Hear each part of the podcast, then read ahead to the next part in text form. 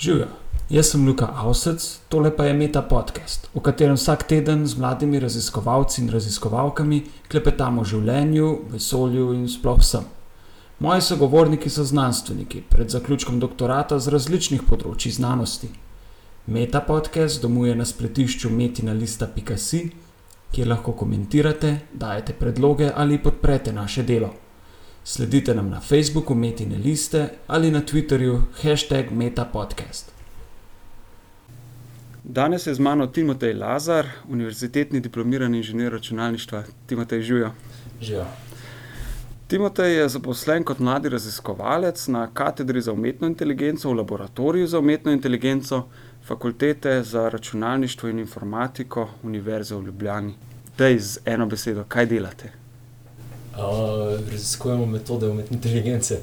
Um, Lahko ti pomagam. Lej, eh, na spletni strani piše, da se ukvarjate s strojnim učenjem, induktivnim programiranjem, metodami obravnave šumnih podatkov v atributnem učenju. A ti kaj te besede pomenijo?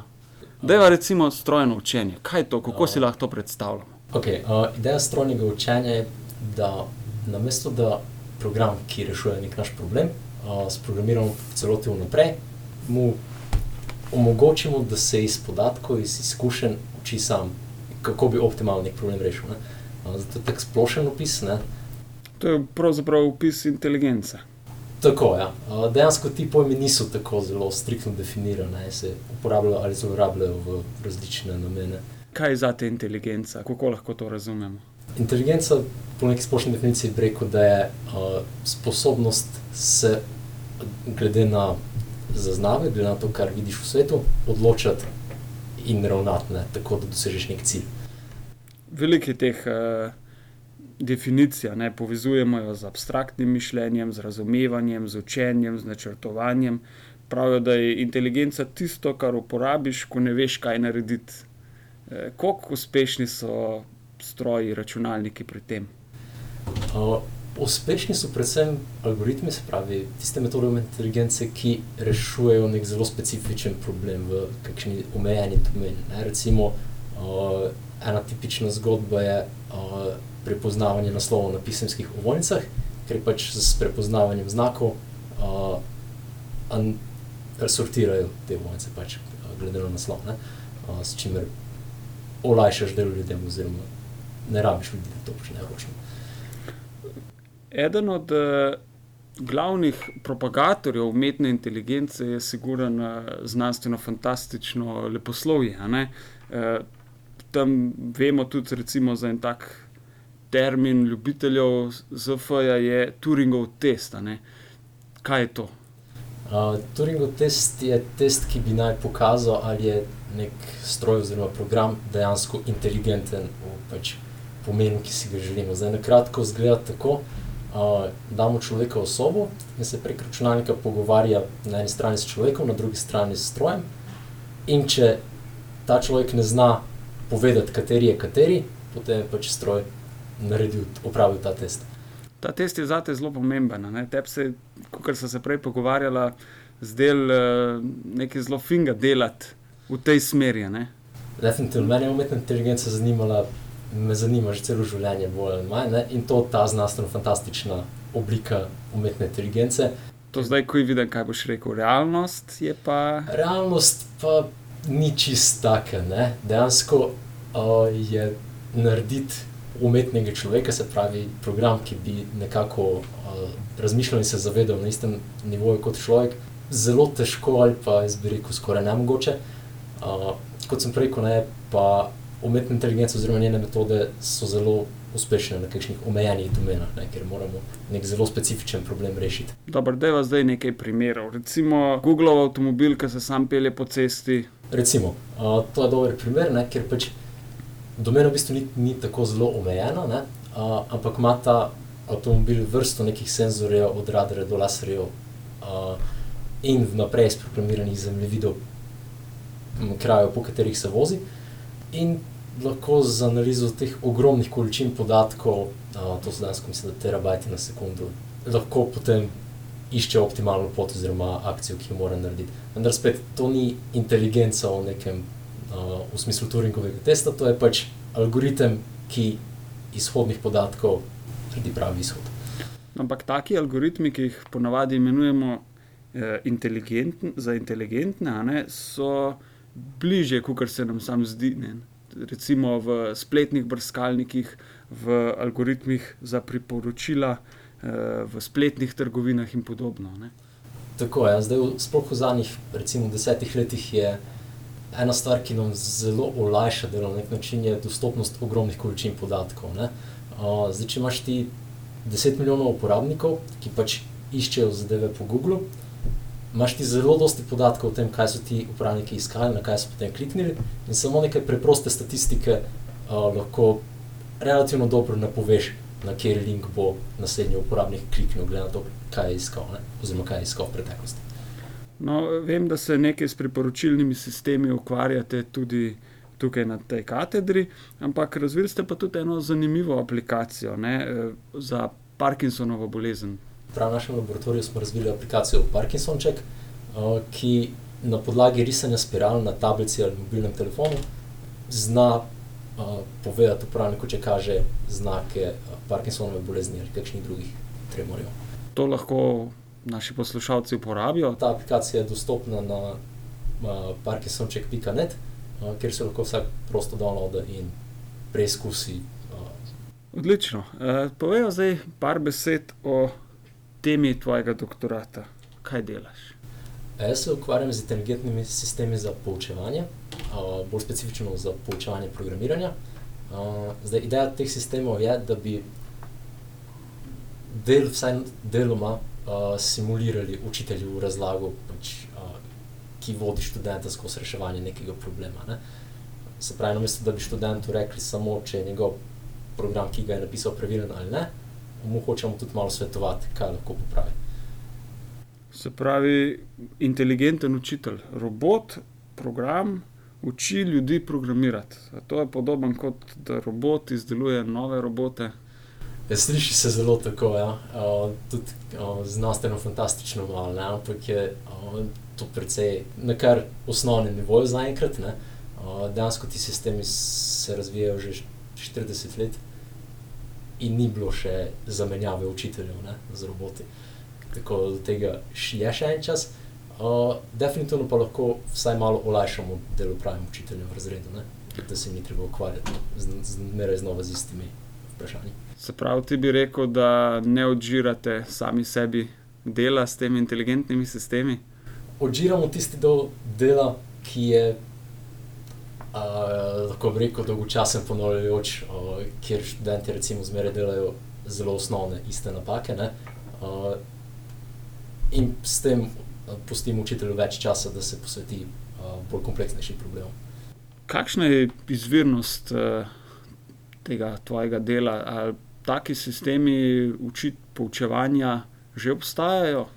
Kot sem rekel, začelo se je pred kakšnimi 40 leti, 30 leti mogoče, in je potem kaj malo zamrlo področje, ker so ugotovili, da je problem dejansko zelo, zelo težek simulirati učitelja. Ne? Ker pač učitelj, pravi učitelj, mora imeti zelo dobro predstavo o tem, kaj študent ve, če se ne ve, in kje je napaka v njegovem modelu pač učne snovi. Zdaj, pred 5-10 leti je področje doživelo spet nov razcvet, ravno zaradi tega, ker je na voljo dosti podatkov, pa tudi računalniki močnejši, ki lahko vse to procesirajo. Mm. In se dosti ljudi, ker s tem ukvarja. Ne?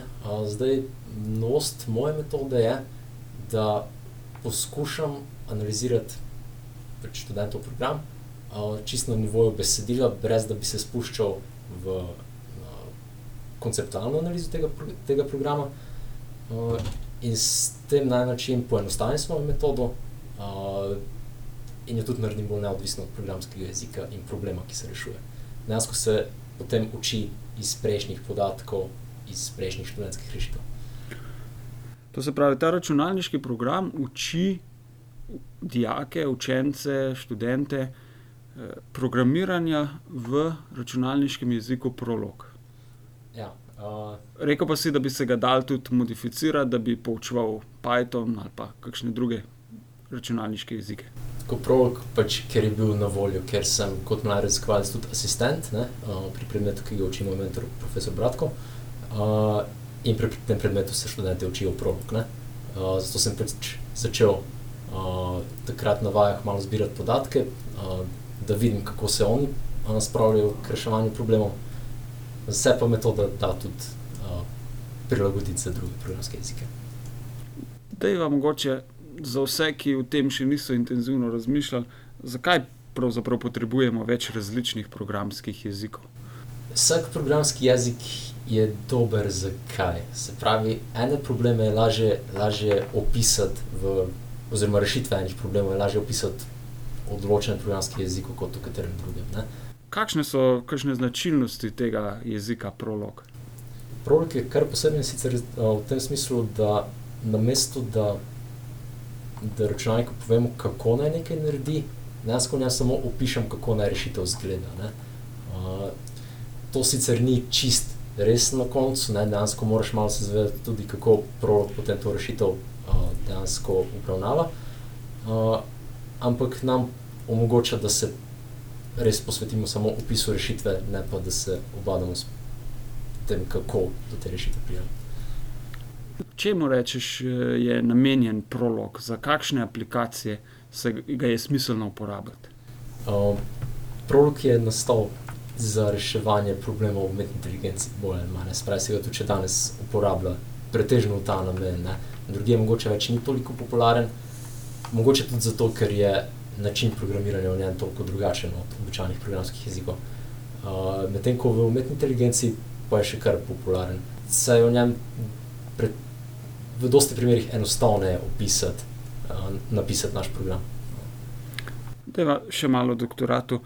Koliko gre pri tvojem raziskovalnem procesu za tvojo lastno raziskovalno ustvarjalnost, se pravi za tvoj, tebi lasten način rabe tega urodja, ki mu rečemo prolog, koliko pa gre tle za upetost v ostalo raziskovanje na tem področju? A je tvoje delo zelo odvisno od tega, kaj raziskujejo ostali raziskovalci, ali si te lahko predstavljamo bolj uh, kot zaprtega v en svoj lasten laboratorij in pisanje nekaj.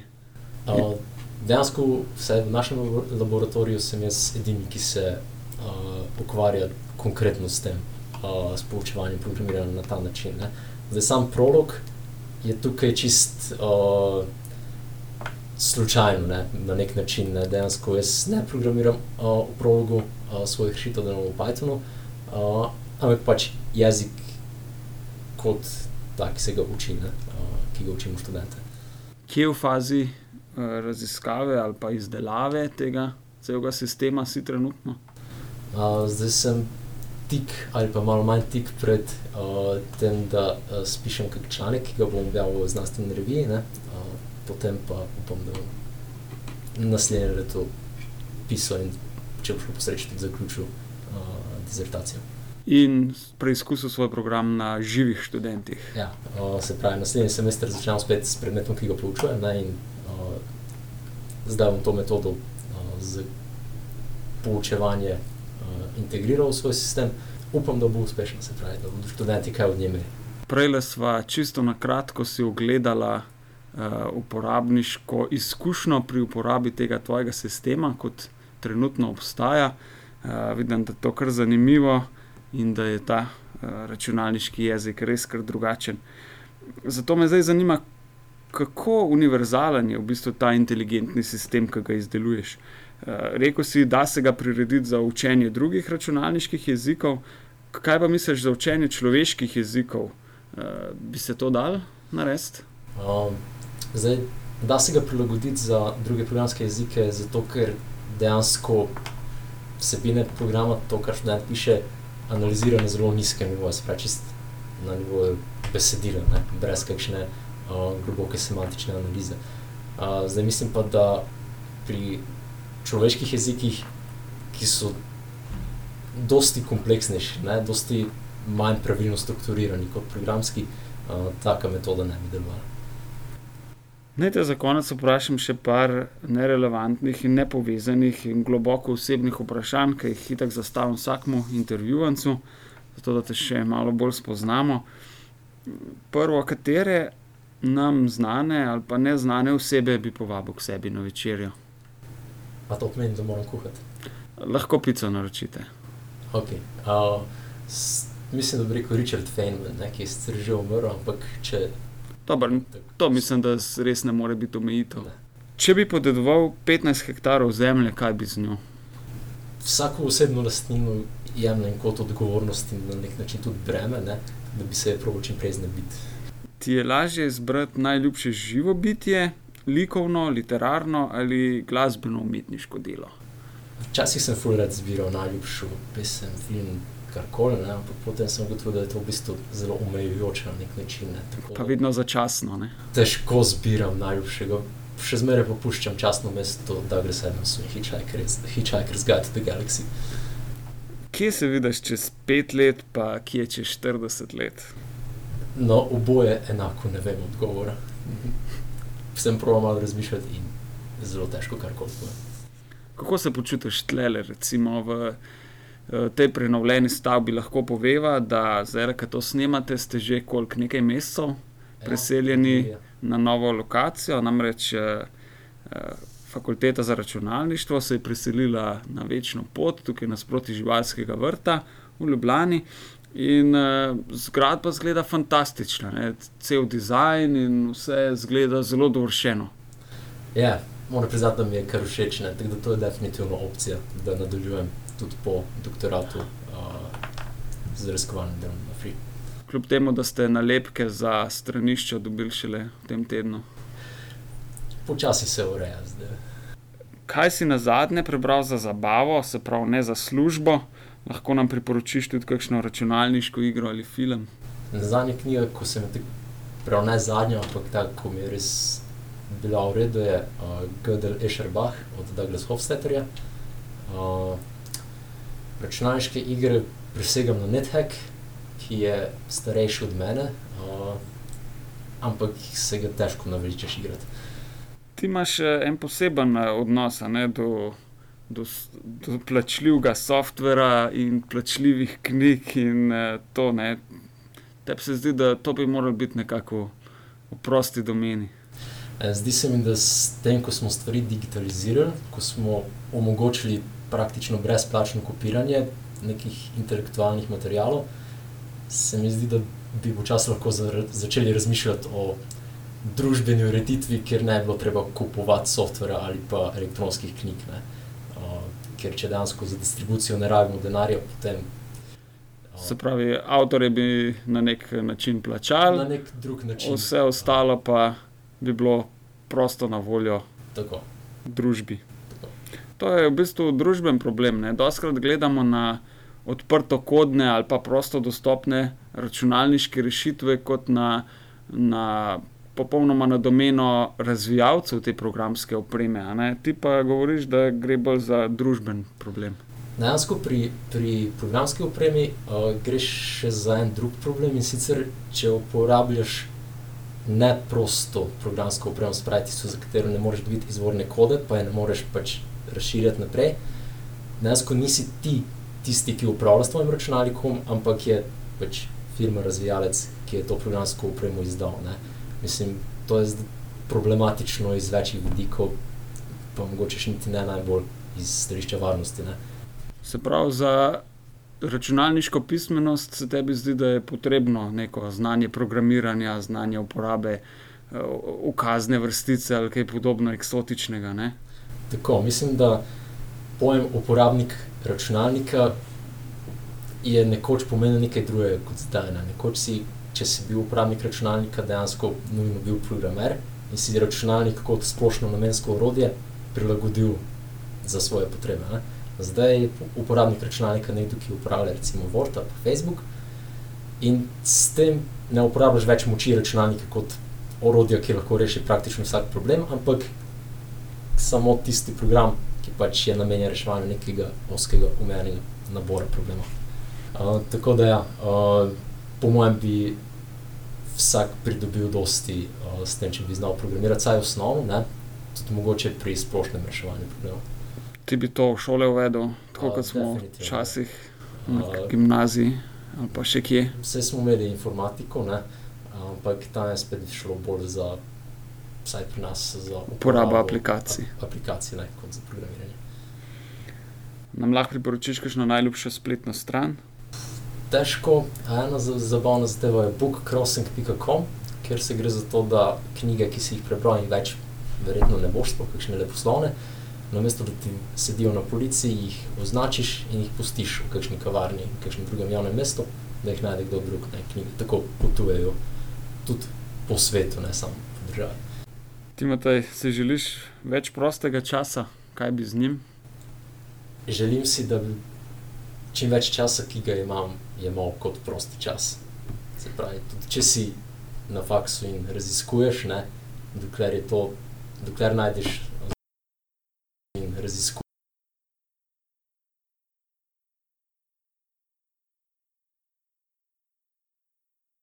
Poslušali ste Meta podcast. Pohvale, pripombe in predloge za bodoče goste nam lahko posredujete tudi po e-mailu na znanostafnametina.si, sicer pa nas poiščite na Facebooku Metine liste in na Twitterju, kjer mene najdete kot @inlife, čivki v podkastu pa ima hashtag metapodcast. Vse oddaje s povezavami na domače branje so doma na spletnem portalu metinalista.si, kjer lahko ta projekt tudi finančno podprete. Hvala in naslišanje prihodnjič.